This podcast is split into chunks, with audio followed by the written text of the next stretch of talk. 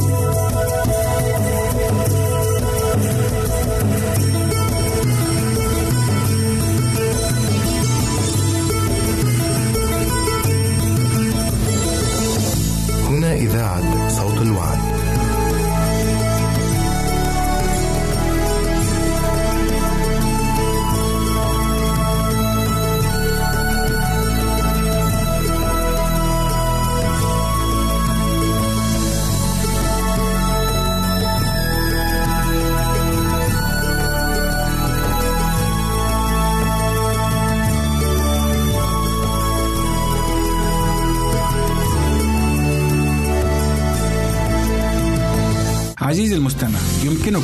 مراسلتنا على البريد الإلكتروني التالي Arabic at awr.org العنوان مرة أخرى Arabic at awr.org ونحن في انتظار رسائلك واقتراحاتك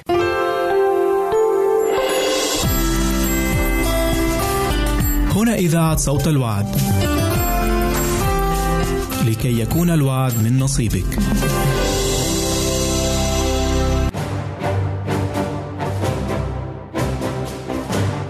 المستمعين والمستمعات نود أن نعلمكم بتغيير ترددات البث لبرامجنا ابتداء من السادس والعشرين من شهر مارس أذار 2017 على النحو التالي. للجمهورية الليبية سيبدأ البث الصباحي في الساعة السادسة بتوقيت جرينتش بتردد مقداره 11880 بطول 19 كيلومتر. والبث المسائي في الساعة السادسة بتوقيت جرينتش بتردد مقداره 11985 وبطول 25 كيلومتر. ولمنطقة شبه الجزيرة العربية والعراق ومصر يبدأ البث الصباحي الساعة الخامسة بتوقيت جرينتش بتردد مقداره 17780 بطول 19 كيلومتر. والبث المسائي الساعة السابعة بتوقيت جرينتش بتردد مقداره 11680 وبطول 19 كيلومتر. لمنطقة المغرب العربي يبدأ البث الصباحي الساعة السابعة بتوقيت جرينتش بتردد مقداره 15225 بطول 19 كيلومتر. والبث المسائي الساعة السابعة بتردد مقداره 11800 بطول 25 كيلومتر. نشكركم أعزائي على استماعكم لراديو صوت الوعد.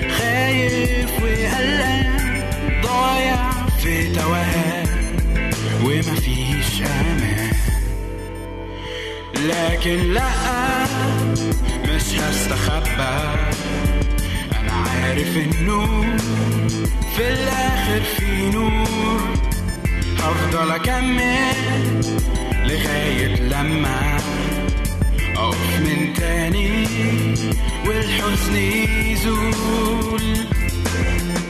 موجوع مكسور لكني مغرور نفسي أدوق. طعم السرور غرقان وبدور في غلبي مقصور جوايا سوق لكن لا مش هستخبى. عارف إنه في الآخر نور. هفضل أكمل لغاية لما أقف من تاني والحزن يزول.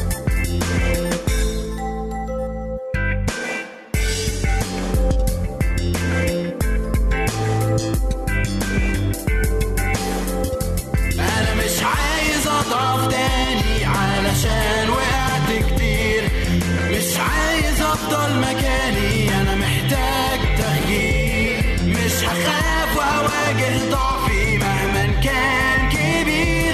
ومهما وقعت أنا عندي فرصة أقوم من جديد. لا مش هستخبى أنا فعلا شايف بعينيا النور. مش هستسلم وحتى ثانية.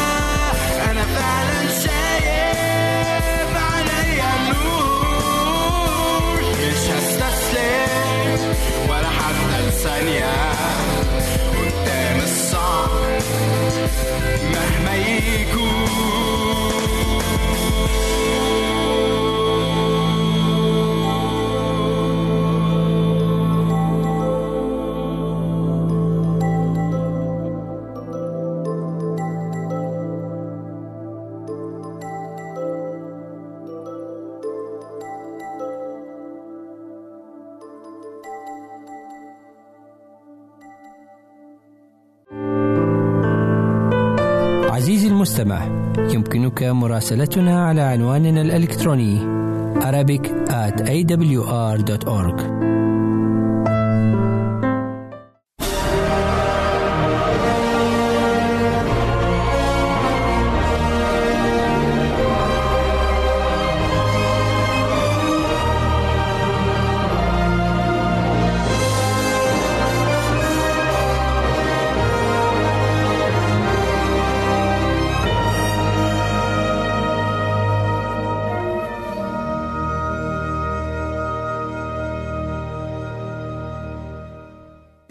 أهلا ومرحبا بكم في حلقة جديدة من برنامج مدرسة الأنبياء. الحلقة اللي فاتت اتكلمنا عن البرية في حياة النبي إيليا وحلقة اليوم بنتكلم عن الجفاف. في الأول بنحب نرحب بالأسيس أهلا وسهلا بحضرتك. أهلا وسهلا. آه، وزي ما إحنا متعودين بنبدأ بسؤال. عايزين نعرف إيه هو الجفاف؟ الجفاف هو آه، عدم وجود ماء. الأرض الجافة ما فيهاش بيبقى بيكون سبب عدم وجود مية. وإذا قل الماء قلت الحياة. إذا ما فيش جف إذا ما فيش مية ما بنشوفش خضرة. ما بنشوفش أشجار مثمرة. ما بنشوفش آه، آه، اللي هي الأشجار الفاكهة ولا آه، خضار ولا أي حاجة أو أي خضرة موجودة على الأرض ولا ورود ولا زهور ولا أي شيء. ده بسبب الجفاف. الجفاف هو أرض ما فيهاش أي بقعة أو أي بئر أو أي نبع أو أي نهر. من المياه. وإحنا زي ما إحنا عارفين إن ال- ال- ال- بالماء الميه هي شريان الحياة بالنسبة لنا صحيح، كبشر. صحيح. الميه هي شريان الحياة اللي اداها لنا ربنا ليه كل المجد. لما خلق الدنيا وخلق الدنيا في في, في وخلق أو عمل الميه كان في اليوم الثالث. صحيح. علشان يدينا إحنا يدينا إحنا الحياة من خلال إن إحنا نقدر نزرع نشرب نعيش اداها للانسان اداها للنبات اداها للحيوان عشان كل واحد يتعايش ولديمومه الحياة. صحيح. فالجفاف هو قلة الماء أو عدم وجوده خالص عود وجود الماء ده الجفاف. بما إننا بنتكلم الحلقات كلها بتتكلم عن حياة النبي إيليا والمراحل اللي مر بيها. إيه، إيه، بيذكر الكتاب المقدس إنه في وقت النهر جف في أيام النبي إيليا. إيه كان شعور النبي إيليا لما آه، جف النهر في, في, في أيامه؟ وهل ظن إن الله تركه أو نسيه؟ شعور طبيعي جدا ينتاب كل واحد منا ينتاب كل البشر. نفس شعور ايليا لأن ايليا كان إنسان زينا وكان تحت الألم مثلنا فشعور طبيعي جدا إن هو ممكن يتضايق أو يحزن أو يفكر في يوم من الأيام إن هو مثلا ممكن تناسى أو حصل له عملية نسيان من أي حد أو كان من ربنا مع إنه لا. ال- الجفاف وعدم وجود المية الإنسان أنا أعرف إن بعض من البشر ممكن يعيشوا على يعني الحد الأقصى 60 يوم من غير أكل. والحد الأقصى بالنسبة أربع أيام من غير بعد كده في أقل في ناس ما تقدرش تعيش بالنسبة عن- للمية. بالنسبة للمية في ناس ممكن بالنسبة للمية يقعدوا أربع أيام. لكن في أقل عن كده. في ممكن يوم ونص بالنسبة للمية في ممكن أسبوع بالنسبة للأكل على حسب قدرات الإنسان. صحيح. فالجفاف ده بيشعر الإنسان. بوجود الجفاف بحزن في قلب الإنسان. اولا مش عارف إن هو هيجي إمتى هيجي ولا ما يجيش. آه، الجفاف معناها بيرمز للموت. برضه ما تنسيش ديت. صحيح. إذا في جفاف يبقى معناها في في موت. لأن أنا ممكن ما يجيش خالص المية وممكن أنا معناها مش هقدر أزرع ومعناها أنا مش هقدر آكل وتترتب حاجات كتيرة. فكان برضو شعور ينتاب كل الناس بالحزن زي ما انتاب إيليا في نفس الوقت. بعض من الناس كمان ممكن زي مثلا أسرة من الأسر لما يفقدوا أحد ع- عائل الأسرة اللي بيعولهم إذا مثلا كان موظف إذا مرض آه، إذا آه، اترفض من العمل بتاعه ومن الشركة اللي شغال فيها. إذا جرى له أي شيء آه، لا قدر الله مثلا مش كويس والعيلة فقدته. العيلة دي أحيانا بتشعر إن ربنا نسيها وممكن يسألوا أسئلة يقولوا ربنا راح فين؟ اللي جف النهر الحنان بتاعنا وجف النهر اللي إحنا كنا بنعيش آه، من خلاله وكان بيقوينا وكان بي بي يعني بيرعانا وكان بيهتم بينا. آه، ممكن شعور ممكن ينتاب جميع الناس في الموضوع دوت. صحيح. لكن الرب مش بينسى. الرب بي لو اتقفل باب بيفتح قدامنا 100 باب. بس أهم حاجة أقولها في السؤال ده ونقطه أخيرة فيه. أهم حاجة يكون أنا عندي إيمان إن ربنا راح يفتح لي باب. وراح هو يرجع لي ماء الحياة مرة تاني. يرجع لي ديمومة الحياة مرة تاني. قادر يشفيني من المرض اللي أنا فيه ده مرة تاني. قادر يوديني العمل أحسن من اللي أنا كنت فيه مرة تاني. صحيح. ده الايمان بربنا. هو أهم ما في الحياة هو ماء الحياة كمان. طب ليه الرب بيسمح من الأول ل- لأمور زي كده نقع فيها؟ رغم إننا بنطيعه وبن وبنعيش آه، ل- ل- مكرسة للرب ليه بيسمح بكده؟ أحيانا الرب بيسمع بالحاجة زي ديت لإنذارنا إحنا.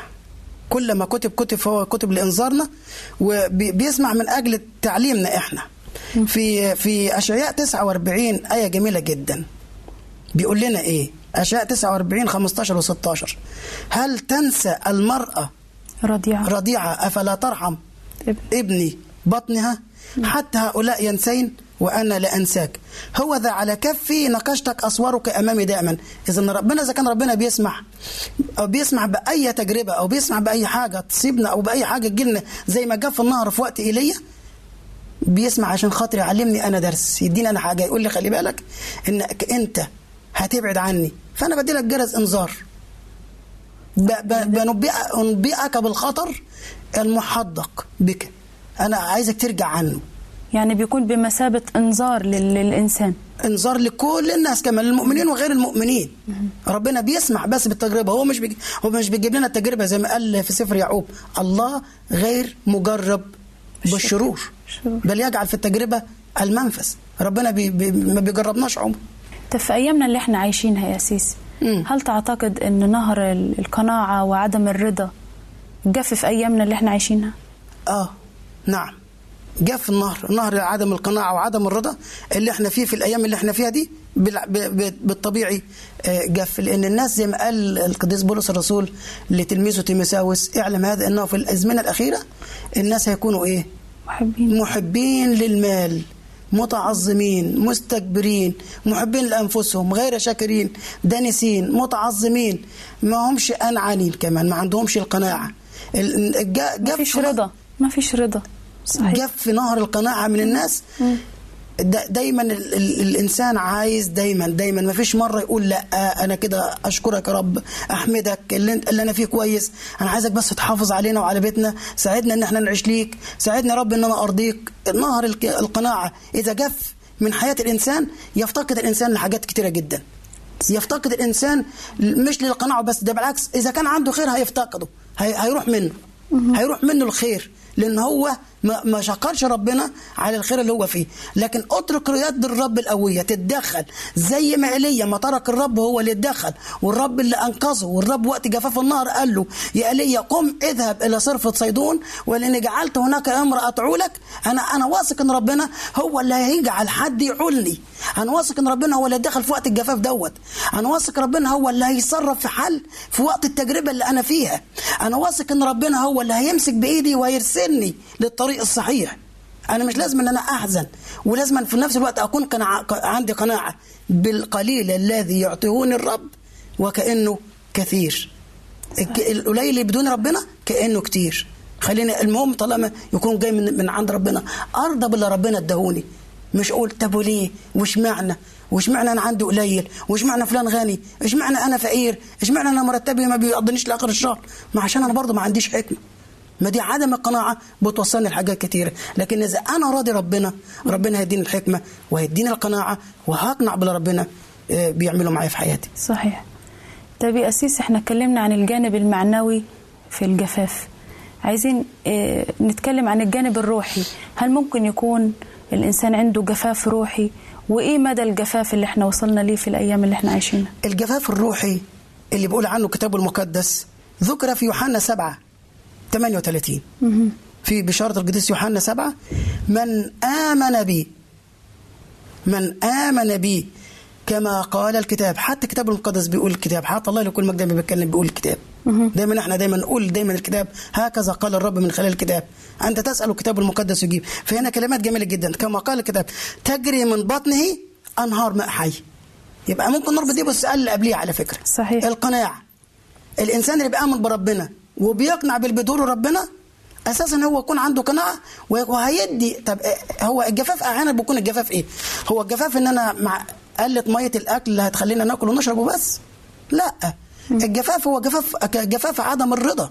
هو جفاف الروحيات. هو جفاف الإنسان اللي ما عادش عنده آه، كلمة طيبة للناس. هو الجف... ال- كلمة ربنا ما تجف من حياة الإنسان هو الجفاف الأصلي. هو ده الجفاف اللي ربنا بيقوله. لأن من آمن بي كما قال الكتاب تجري من بطنه أنهار أنهار ماء حي. يعني إيه؟ يعني العطشان اللي قدامي أنا هرويه بنعمة ربنا. ياما ناس عطشانة محتاجة لكلمة ربنا. صحيح. ياما ناس جعانة لكلمة ربنا. ياما ناس ما بتشعرش بالسلام ولا يهدأ لها نوم ولا بال لأنه بعاد عن كلمة بعاد عن كلمة ربنا. أصل ده جفاف روحي. إحنا لما نيجي نتكلم عن الجفاف في عصر إيليا ليه ربنا سمح بالجفاف في عصر النبي إيليا؟ هل عشان كان ايليا مش راضي ربنا لما قعد جنب النهر؟ ده بالعكس. ده بسبب الحالة السيئة اللي سادت في الوطن في الوقت دوت. اللي سادت في البلاد بسبب الحالة الرضية من الخطية. فعم الجفاف الروحي قبل ما يعم الجفاف الأرضي. فقال لهم لا أنتوا عندكم أساسا جفاف روحي. ارجعوا. ارجعوا للينبوع الحي. لأن هو الله هو النبع الحي. يعني هو ينبوع الماء الحي. زي ما قال المسيح للمرأة السامرية. فالناس كان عندهم جفاف. مفيش محبة. صحيح. مفيش قناعة. مفيش رضا. مفيش سلام. في خوف وفي قلق. حاجات كتيرة في حياة الناس الناس مش راضيين عنها. وليه ده كله؟ لأنهم يفتقدوا إلى كلمة الله. كلمة ربنا مش في حياتهم. فربنا قال له يا إيليا الناس حاليا دلوقتي قبل ما هم يكونوا محتاجين إن إحنا ننزل لهم مية الناس محتاجين يرجعوا ليا. لأن عندهم جفاف في روحهم. وصلوا لدرجة الجفاف الروحي. الناس ما عادش في افواههم كلمة ربنا ولا تمجيد لاسم الله. كل ما في حياتهم البعل والوثن والمال والشهرة والسلطة. يعني هل تقصد يا أسيس أنه عدم الذهاب للكنيسة ومشاركة المؤمنين في العبادة ده بيوصلنا للجفاف الروحي؟ طبعا. آه، آه، أحيانا ناس كتيرة بي- بيقولوا في في النقطة ديت أنا أكتفي بال- بال- بما عندي. أنا أنا ب- بتفرج على قنوات دينية كتيرة في البيت. أنا أقعد وأشغل القناة كفاية إن أنا أسمع ترانيم وبسمع وعاظ وأنا ما أروحش الكنيسة لأني بتعثر آه، لكن بيقول لنا الكتاب المقدس غير تاركين اجتماعنا كما لقوم كما. لقوم عادة صحيح. جماعة المؤمنين مع ربنا بيكون فيه دفء فيه شبع فيه ملء فرحت بالقائلين لي إلى بيت الرب نذهب. نذهب ويرجع يقول لنا مرة تانية آية جميلة جدا ما أجمل وما أحسن أن يجتمع الإخوة معا. معا. فعايزنا نجتمع نقعد مع بعضنا. عايزنا نقعد نص... نفرح بالرب. عايزين نتلذذ بالرب. هو قال لنا مرة تاني تلذذوا بالرب فيعطيك سؤال قلبك. قلبك. فهنا بالطريقة ديت يزول الجفاف ويعم الخير. يزول تزول عدم القناعة وتعم الرضا. يروح الخوف وتسود الطمأنينة. يكون أنا في راحة وسلام ويعم الاستقرار كمان. ليه؟ لأن أنا شبعت بالرب. لأن أنا اتلذذت. اتلذذت بالله. فعشان كده كل اللي ما بيروحش الكنيسة أو اللي ما بيروحش يعبد ربنا أو اللي ما بيصليش ربنا من كل قلبه أيا كان هذا الإنسان أنا أقول له بنعمة الله ارجع. ارجع لربك ارجع للي خلقك ارجع لله وقول له قول له أنا جاي لك وتبت على اللي أنا فيه. أنا كنت في جفاف ولكن أنا عايز نهر النعمة الفياض النهارده. يملاني منك يا رب. أنا عايز نهر النعمة الفياض يملاني عشان أرتوي من خير الله وأحس بشبع في داخل حياتي. إذا ما فيش عذر للإنسان أنه يمنعه عن مروح للكنيسة أنت بلا عذر أيها الإنسان. صحيح. إحنا ما عندناش عذر. إحنا بلا أعذار. طيب نستأذنك يا أسيس نطلع لفاصل نكمل معكم بعد الفاصل. تابعونا.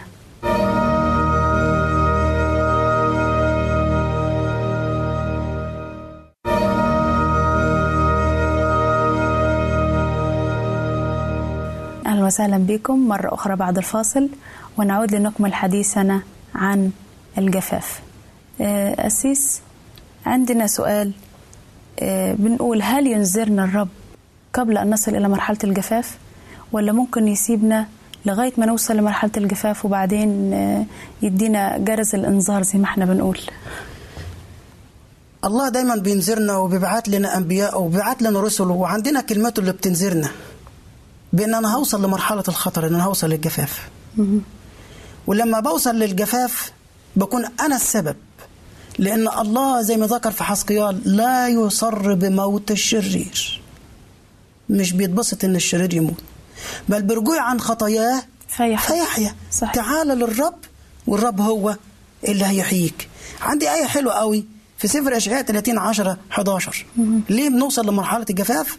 نسبة سألوا كان ربنا بينذرنا ولا لا. بس ده بيبقى بناء عن طلبنا إحنا. إيه الطلب بتاعنا؟ آه بيقول لا تنظروا لنا مستقيمات. أنا عندي اللي أنا ماشي عليه مش عايزك. كلمونا بالناعمات. انظروا مخادعات. حيدوا عن الطريق. ميلوا عن السبيل. أعزلوا من امامنا قدوس إسرائيل. هل ده مش مرحلة سيئة جدا. عشان كده ربنا بي. بيبعت الإنذار. صحيح. هنجاوب نفس السؤال. ولكن الرب بيو... تيموثاوس بيكا... بي... على فم بولس بيقول. الرب على فم بولس بيكلم تيموثاوس يقول له إيه؟ آه بيقول له كلمة برضو جميلة جدا. أكرز بالكلمة. انذرهم. اعرف الناس إنهم مشوا غلط. أكرز بالكلمة. أعكف على ذلك في وقت مناسب وغير مناسب. وبخ. انتهر. عظ.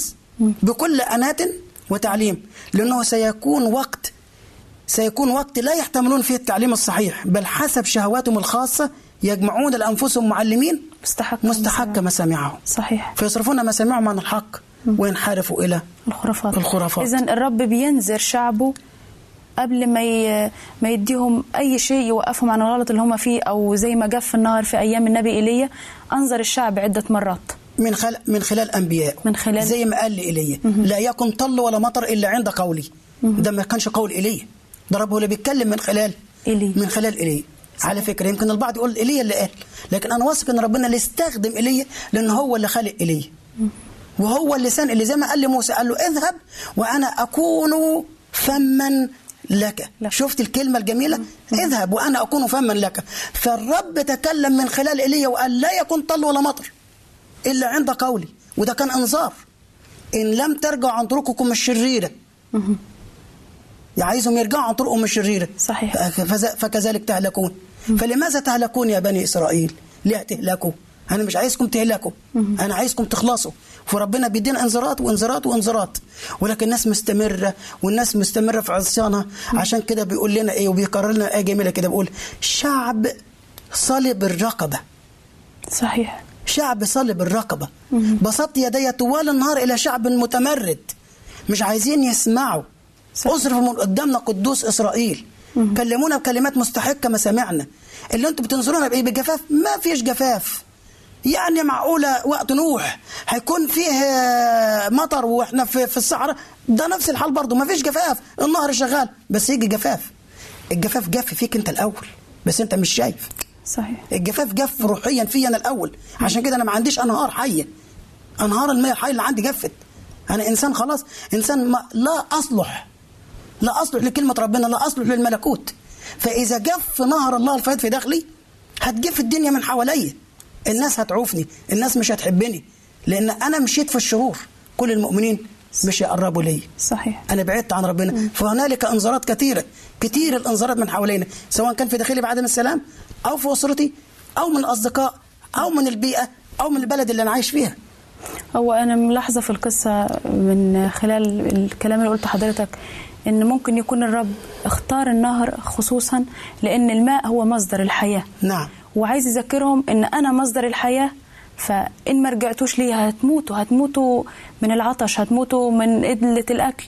فعايز يرجعهم ليه تاني مرة تانية.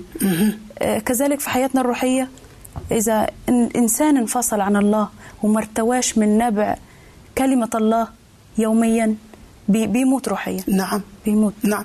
التلاميذ قالوا للمسيح ليكون المجد في يوم من الأيام يا رب إلى من نذهب؟ كلام الحياة الأبدية عندك. صحيح. يا رب إحنا هنروح لمين؟ إحنا عايزين لك أنت. إذا كان في حياتنا جفاف أنا عايزك ترويني. ارويني من نبعك ارويني من نهرك ارويني من نعمتك املاني ب... املاني بروحك. خلصني. ده الإنسان المؤمن اللي عايز يرتوي فعلا حتى لو جفت من حوله ما يخافش. زي ما قال داود النبي إن سرت في وادي ظل الموت لا, لا أخاف شرا لأنك أنت معي. معي. معي. أنا مش هخاف. إذا كان الرب معايا أنا مش هخاف ولا شيء يهمني طيب آه، ملاحظين في القصص اللي إحنا بنحكيها الشر من وقت الملك أخاب والملكة الشريرة إيزابل وفضل مستمر الشر وشعب الله مستمر في السقوط في الخطية وعبادة البعليم. إلى وقت الملك أخزية. فليه الرب ما اقتلعش الشر من جذوره عشان يرجع شعبه ليه مرة تانية؟ آه. ليه ما ليه ما ما, ما نهاش حياة الملكه الشريره إيزابل و- وأخاب عشان يقتلع الشر من جذوره؟ حلو خالص. آه، تيمساوس الأولى اتنين أربعة وخمسة. بيجاوبك الإنجيل. مش أنا اللي هجاوب لأن هذا حسن ومقبول. هذا حسن ومقبول لدى مخلصنا الله. الذي يريد أن جميع الناس يخلصون وإلى معرفة الحق يقبلون. يقبلون. برضو مرة تانية السؤال ليه ما اقتلعش الشر من جذوره هو كده كده أهلك آه، أخاب وعيلته بس ليه ما, ما, ما. هلكوش من الأول؟ بس ابنه ابنه سلك في طريقه. ليه ما أثرش حياة أخاب شوية؟ ما ما عشان ابنه ما يطلعش بعديه صحيح. هنشوف. هنشوف الإنجيل بيقول لنا إيه. إجابة الإنجيل أدق من إجابتي أنا برضو. في روميا 2 4 دي بقى هي اللي هتجاوب بالفعل. أم تستهين بغنى لطفه؟ وإحنا بنستهين بغنى لطف ربنا. أم تستهين ب... أم تستهين بغنى لطفه وإمهاله وطول آناته؟ إنما إيه؟ غير عالما. إن لطف. الله إنما يقتادك إلى التوبة.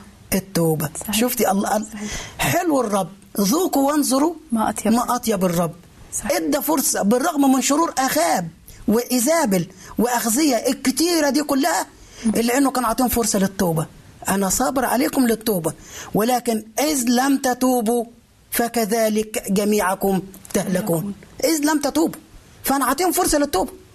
هم ما تابوش. طب نكمل نكمل بقى الايه ولكنك من أجل قساوتك. أنا بقى أحط اسم اخاب هنا. واحط اسم اخزيه واحط اسم إيزابل واحط اسم كل واحد من أعزائي المشاهدين اللي مش عايز يرجع لربنا مثلا لأن الكتاب هو اللي بيقول من أجل قساوتك وقلبك غير التائب. تعمل إيه؟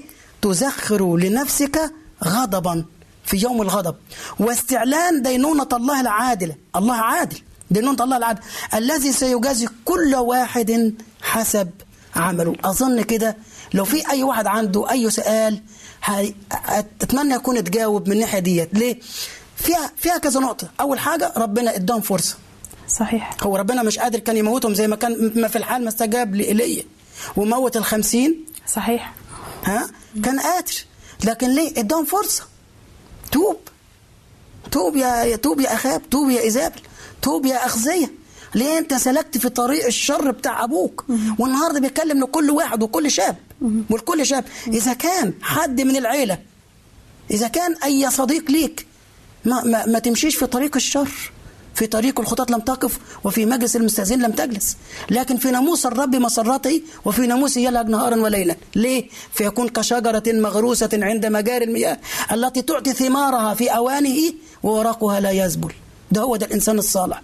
اللي بيدور على إن مش عايز نهر نعمة الله الفياض يجف من حياتي. أنا عايز أكون معاك يا إيليا أول ما جف النار. ربنا قال له إيه يا إيليا؟ طب امشي. أنا أوديك عند مكان أحسن. صح يا ربما تلاقي هناك في مجاعة لكن أوديك عند مكان أحسن. أنا ههتم بيك. وإحنا عايزين ربنا هو اللي يهتم بينا. إحنا النهارده ساعات بنهتم إحنا بنفسنا. وعشان كده قال لنا لا تهتموا لحياتكم بما تأكلون أو لأجسادكم بما تلبسون. الحياة أفضل من اللباس؟ شفت قد إيه؟ هو مهتم بينا. أكتر من العصافير ومن زنابق الحقل. اللي كانت بتلمس ولا سليمان في كل مجدي الرب كان بيعولها كان بيقوتها إحنا ساعات بن بن بجف الجفاف الروحي بيخليني أشعر بضيقة في حياتي. ممكن تكون ضيقة مالية ممكن تكون ضيقة نفسية ممكن تكون ضيقة صحية وعكة صحية الواحد بيمر بيها. وده بسبب الجفاف الروحي اللي حاصل في حياتي أنا الأول. والرب يبارك كل واحد منا.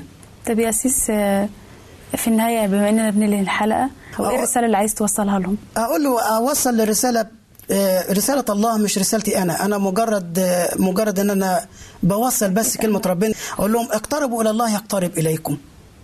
ارجع لربنا بكل قلبك وبكل فكرك. وحب ربنا من كل قلبك ومن من كل فكرة وقربك مثل نفسك. مش هيجيب في نهر النعمة بتاع ربنا من حياتك. حتى لو كان في بيتك حتى لو كان مرتبك قليل هتحس إنك أنت معاك كتير. لأن ربنا هو اللي بيعطينا الصحة لاصطناع الثروه مش إحنا اللي بندي لنفسنا صناعه الثروه الصحة عشان نصطنع الثروة أقول له بس يا رب أنت ملعني وساعدني أكون قانع بما تعطيه ليا في حياتي. عشان ما تجفش نهرك أنت الأول. أنا مش ههم أنا شغال فين أو اترفدت أو عشت أو مرتبي كتير أو قليل أو عندي كتير أو عندي قليل. لكن خلي نظرك لربنا اللي نهر نعمته لا يمكن يجف أبدا. بل يعطي الجميع بسخاء. بيدي كتير قوي. آمين. نشكرك يا أسيس في نهاية الحلقة. نلتقي في حلقات قادمة. وسلام الرب معكم وإلى اللقاء.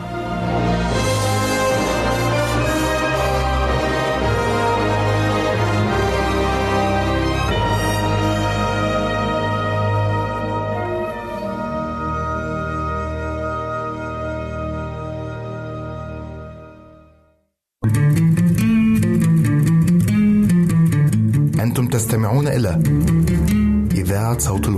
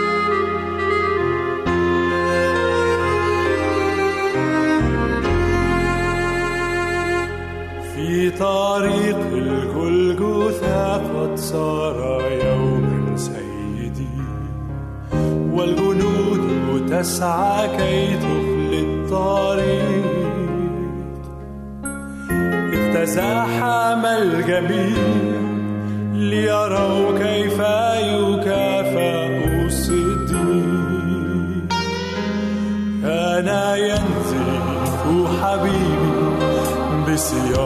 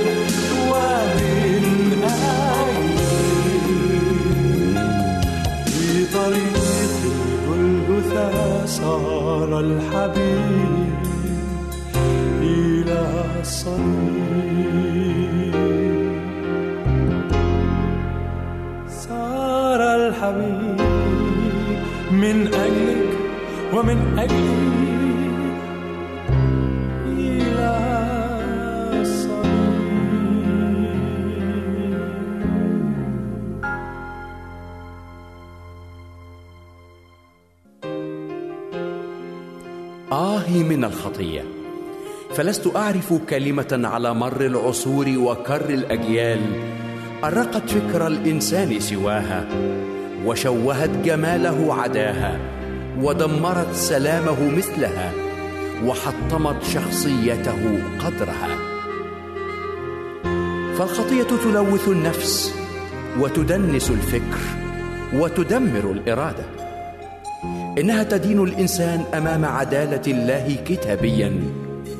وتطرحه تحت ثقل الديون مفلسا عمليا. فالخاطئ مريض أخلاقيا. يعيش في أصفاد وقيود عبودية إبليس زمنيا. وتحت قصاص الدينونة الإلهية أبديا. وعلى قدر قسوة الخطية وسلطتها وسطوتها كان خلاص المسيح في تبريره وتقديسه لأقذارنا وتطهيره وتحريره لقيودنا. فهو يخلقنا خليقة جديدة ويجعلنا نشارك الطبيعة الإلهية المجيدة ويضمن بوعوده لنا الأبدية المباركة السعيدة. لقد جاء لكي يطلب ويخلص ما قد هلك. إنه يخلص إلى التمام. إنه قال ها أنا ذا واقف على الباب وأقرع. إن سمع أحد صوتي وفتح الباب أدخل إليه وأتعشى معه وهو معي. نعم شخص شريف بالباب يقرع. فافتح له يا خائف فالخوف ينزع.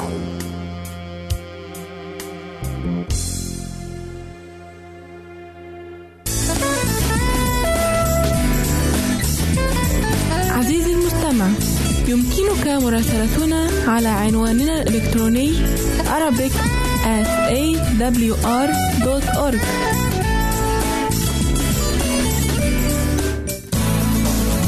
يمكنك مشاهدة هذا البرنامج على قناة الوعد أو على ال website www.l-wad.tv www.al-waad.tv www.tv.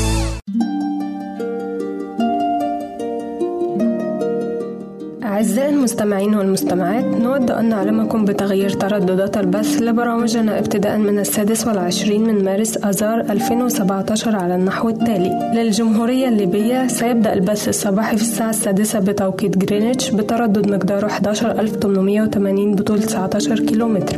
والبث المسائي في الساعة السادسة بتوقيت جرينتش بتردد مقداره 11985 وبطول 25 كيلومتر. ولمنطقة شبه الجزيرة العربية والعراق ومصر. يبدأ البث الصباحي الساعة الخامسة بتوقيت جرينتش بتردد مقداره 17780 بطول 19 كيلومتر والبث المسائي الساعة السابعة بتوقيت جرينتش بتردد مقداره 11680 وبطول 19 كيلومتر. لمنطقة المغرب العربي يبدأ البث الصباحي الساعة السابعة بتوقيت جرينتش بتردد مقداره 15225 بطول 19 كيلومتر والبث المسائي الساعة السابعة بتردد مقداره 11800 بطول 25 كيلومتر نشكركم أعزائي على استماعكم لراديو صوت الوعد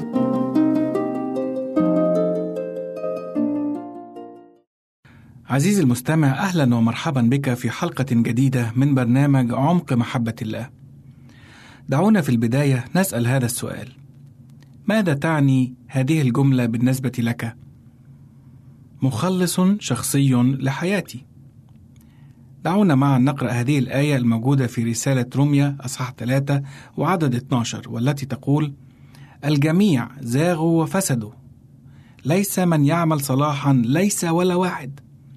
لذلك حلقة اليوم هي بعنوان لماذا نحتاج إلى مخلص؟ فابقوا معنا. كثير من الناس يعتقدون أن السيد المسيح عندما عاش على الأرض كان مجرد شخصا صالحا أو معلما قديرا أو حتى نبيا عظيما. فكل هذه المعلومات عن السيد المسيح صحيحة ولكنها غير كاملة ولا تمثل التعريف الحقيقي الكامل لشخص السيد المسيح. والسؤال هنا هو من هو السيد المسيح؟ إن الكتاب المقدس يذكر أن السيد المسيح هو الله المتجسد في صورة إنسان. وإن الآية الموجودة في إنجيل يوحنا أصحاح واحد وعدد 14 توضح لنا هذا المفهوم حيث تقول والكلمة صار جسدا وحل بيننا ورأينا مجده مجدا كما لوحيد من الآب مملوءا نعمة وحقا. إن السيد المسيح قد ولد وعاش على الأرض لكي يعلمنا ويقومنا ويشفينا. ولكن الأهم من ذلك جاء المسيح لكي يغفر لنا ذنوبنا. ليس فقط بل لكي يموت عنا فداء من أجل خطايانا. والسؤال هنا هل نحتاج إلى مخلص؟ يخبرنا الكتاب المقدس في رسالة روميا أصح 3 وعدد 18 هذه الكلمات إنه ليس بار ولا واحد ليس من يفهم ليس من يطلب الله الجميع زاغوا وفسدوا معا. ليس من يعمل صلاحا ليس ولا واحد. حنجرتهم قبر مفتوح بألسنتهم قد مكروا. سم الأصلال تحت شفاههم. وفمهم مملوء لعنة ومرارة. أرجلهم سريعة إلى سفك الدم. في طرقهم اغتصاب وسحق وطريق السلام لم يعرفوه. ليس خوف الله قدام عيونهم. فنتيجة للخطايا والذنوب التي ارتكبها وما زال يرتكبها جميع البشر منذ بداية الخليقة وحتى اليوم فكل البشر يستحقون غضب الله وعقابه العادل. والعقاب العادل الذي يستحقه كل الخطاة هو الموت الأبدي. وهذا ما يوضحه سفر الرؤيا أصحاح 20 وعدد 13 إلى 15 حيث يتحدث عن هؤلاء الأشرار ومصيرهم. تقول الآية وسلم البحر الأموات الذين فيه وسلم الموت والهاوية الأموات الذين فيهما ودينوا كل واحد بحسب أعماله وطرح الموت والهاوية في بحيرة النار. هذا هو الموت الثاني وكل من لم يوجد مكتوبا في سفر الحياة طرح في بحيرة النار. ولهذا السبب أحبائي نحن في أشد الحاجة إلى مخلص. هل تعلم عزيزي المستمع أنه لا يوجد أي شخص في هذا العالم مهما كانت مكانته الروحية سواء كان قديسا أو نبيا أن يصبح كفارة لخطايانا وذنوبنا أو حتى شفيعا لنا؟ ولكن الذي يستطيع أن يحمل ويغفر ذنوبنا جميعها هو شخص السيد المسيح وحده.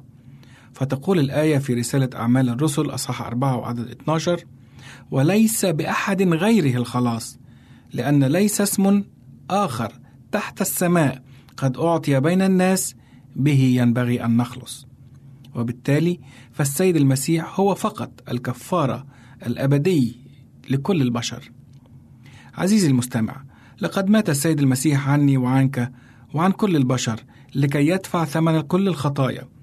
تقول الآية في رسالة كورنثوس الثانية أصحاح خمسة وعدد 21 لأنه جعل الذي لم يعرف خطية خطية لأجلنا لنصير نحن بر الله فيه.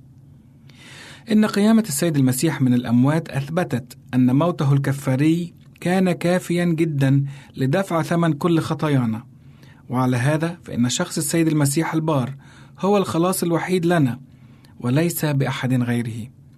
دعونا نقرأ الآية الموجودة في إنجيل يوحنا أصحاح 14 وعدد 6 لقد قال السيد المسيح أنا هو الطريق والحق والحياة. ليس أحد يأتي إلى الآب إلا بي.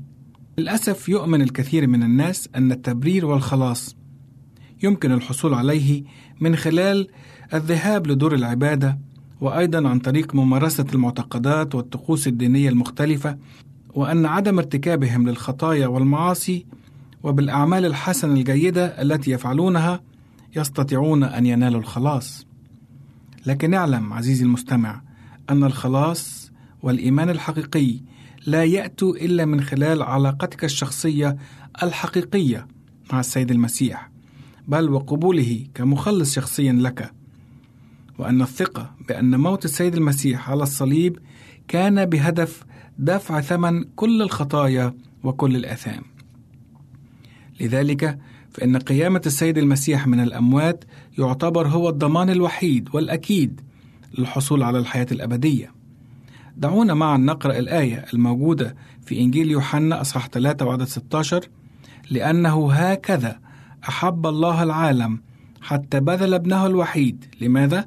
لكي لا يهلك كل من يؤمن به بل تكون له الحياة الأبدية. عزيزي المستمع، هل اتخذت قرارك بأن تتبع السيد المسيح كمخلص شخصي لك؟ إذا كنت قد اتخذت هذا القرار الهام، أدعوك الآن أن تردد معي هذه الصلاة الرائعة مع التأكد من أن كل خطاياك قد غفرت. فدعونا معا نردد هذه الصلاة: يا رب، أنا أعلم أني أخطأت أمامك، وأنني مستحق كل العقاب، ولكنني أؤمن أن المسيح حمل عني كل العقاب، ومن خلال إيماني به تغفر خطيتي. إنني الآن أضع كل ثقتي وإيماني في مخلصي وحبيبي السيد المسيح، وأنا أقبل المسيح مخلصا شخصيا لحياتي. أشكرك يا رب من أجل محبتك ونعمتك الغنية. آمين. وإلى اللقاء أعزائي في حلقة جديدة من برنامج عمق محبة الله كان معكم أمير غالي وإلى اللقاء. عزيزي المستمع يمكنك مراسلتنا على عنواننا الإلكتروني Arabic at awr.org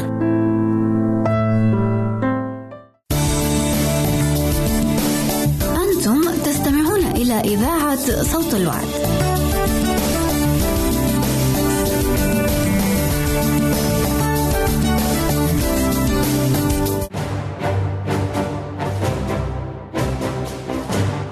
المستمعين والمستمعات نود أن نعلمكم بتغيير ترددات البث لبرامجنا ابتداء من السادس والعشرين من شهر مارس أذار 2017 على النحو التالي. للجمهورية الليبية سيبدأ البث الصباحي في الساعة السادسة بتوقيت جرينتش بتردد مقداره 11880 بطول 19 كيلومتر. والبث المسائي في الساعة السادسة بتوقيت جرينتش بتردد مقداره 11985 وبطول 25 كيلومتر. ولمنطقة شبه الجزيرة العربية والعراق ومصر يبدأ البث الصباحي الساعة الخامسة بتوقيت جرينتش بتردد مقداره 17780 بطول 19 كيلومتر. والبث المسائي الساعة السابعة بتوقيت جرينتش بتردد مقداره 11680 وبطول 19 كيلومتر. لمنطقة المغرب العربي يبدأ البث الصباحي الساعة السابعة بتوقيت جرينتش بتردد مقداره 15225 بطول 19 كيلومتر. والبث المسائي الساعة السابعة بتردد مقداره 11800 بطول 25 كيلومتر. نشكركم أعزائي على استماعكم لراديو صوت الوعد.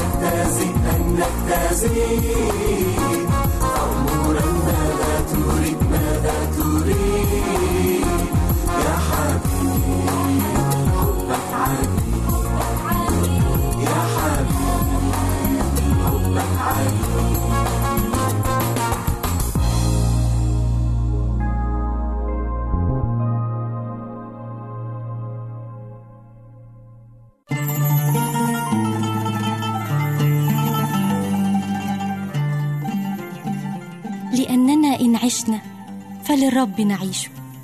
مثمرين في كل عمل صالح. ونامين في معرفة الله. وإن متنا فللرب نموت.